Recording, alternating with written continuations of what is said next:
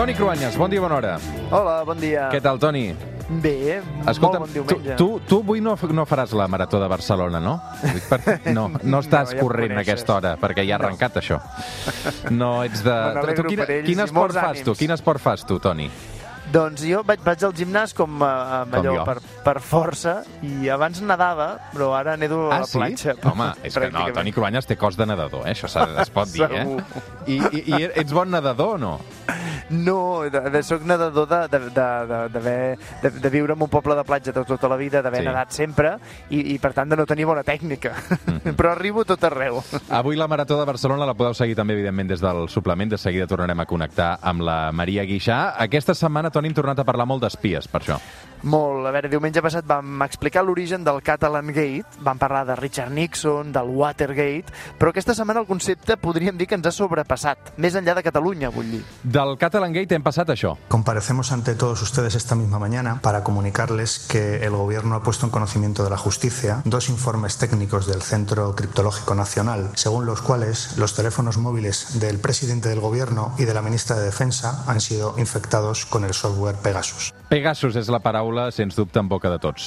Sí, Pegasus és el nom d'aquest software utilitzat pels governs de diversos països per espiar la població a través dels telèfons mòbils. És, és d'una empresa israeliana i d'això sí, se n'ha parlat molt, però avui volem explicar què vol dir Pegasus, el nom, literalment, la paraula Pegasus.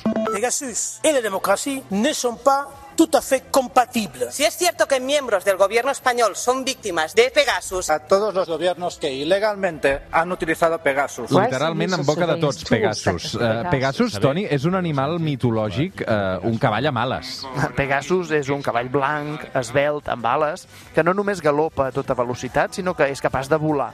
Una figura tan bonica i poètica que s'ha representat infinitat de vegades a llibres o, o fins i tot ara encara a pel·lícules, a sèries o, o fins i tot a còmics. És una imatge molt potent que té a veure amb la importància dels cavalls durant segles per les nostres societats. Ara ho explicarem. Pegasus també és el nom d'aquesta empresa d'espionatge, però el nom català és Pagàs, eh? Jo això no, no ho tenia clar. Hem de dir Pagàs. El que passa és que com que és un nom propi d'empresa no fem la traducció nosaltres. Exacte. Pegàs en català o Pegaso en castellà. Molta gent haurà sentit eh, el nom en castellà perquè va ser la marca d'un cotxe dels anys 50 i 60 del segle passat que es fabricava aquí, primer a la Sagrera i després a la zona franca. Els cotxes Pegaso eren esportius per córrer a gran velocitat. Hi havia models descapotables, per això li queia tan bé aquest nom de Pegaso. En la Exposición Internacional de Automóviles celebrada en el Madison Square Garden de Nueva York, el jurado ha concedido Com deies, eh, Copa el de Pegaso va ser per tota una generació un model dels cotxes.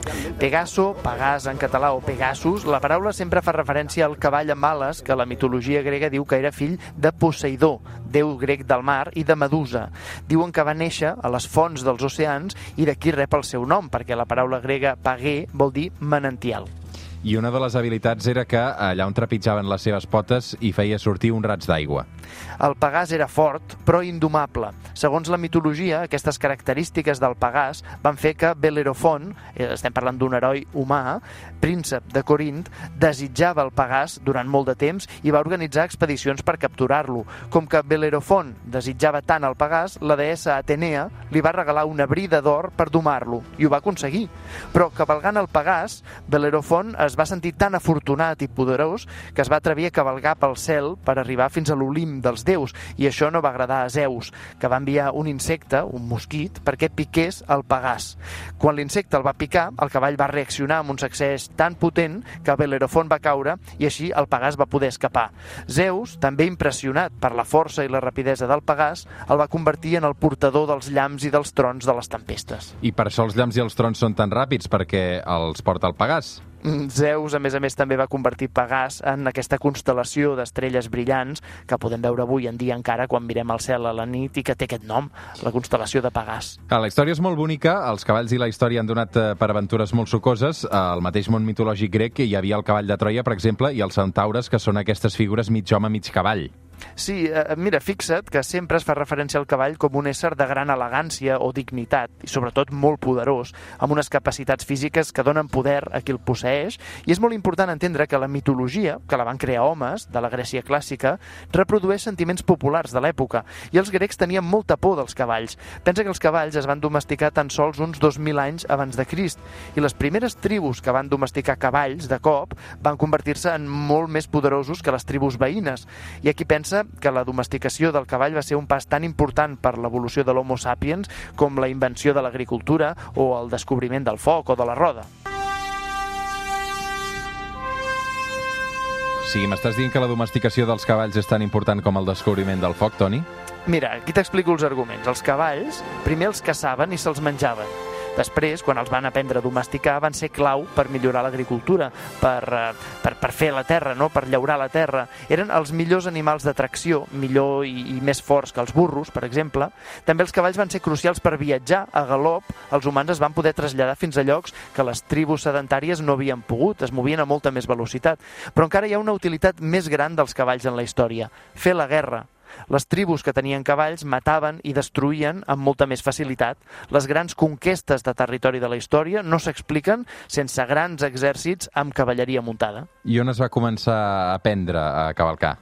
Els primers van ser els habitants de les estepes russes, qui millor va saber utilitzar aquesta nova eina de guerra, els cavalls, va ser el Genghis Khan de Mongòlia, que va conquerir tota Àsia, en bona part gràcies a la destresa de la seva cavalleria. Però abans que els mongols, al segle VI abans de Crist, van ser els genets escites els que van començar els atacs contra els pobles veïns, entre Àsia i Europa. Els grecs en van ser víctimes, com altres pobles, d'aquestes incursions dels escites amb els seus cavalls. Els grecs van tenir molta por perquè ells no coneixien o tot just començaven a aprendre a domesticar els cavalls. Per això, per por a l'enemic que venia de l'estepa russa, van crear aquests mites com el centaure, mig home, mig cavall, amb un gran poder i molta força. Però.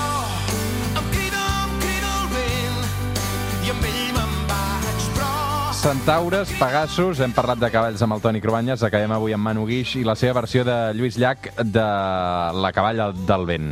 A veure, ens han deixat moltes històries de cavalls, eh? des del Rocinante, del Quixot, a Bucèfal, d'Alexandre el Gran, o els cavalls dels westerns, o el famós Un cavall, el meu regne per un cavall, de Ricard III i Shakespeare. O sigui que això potser tindrem un dia una segona part. de Fantàstic, un nou capítol. Toni Cruanyes, bon diumenge.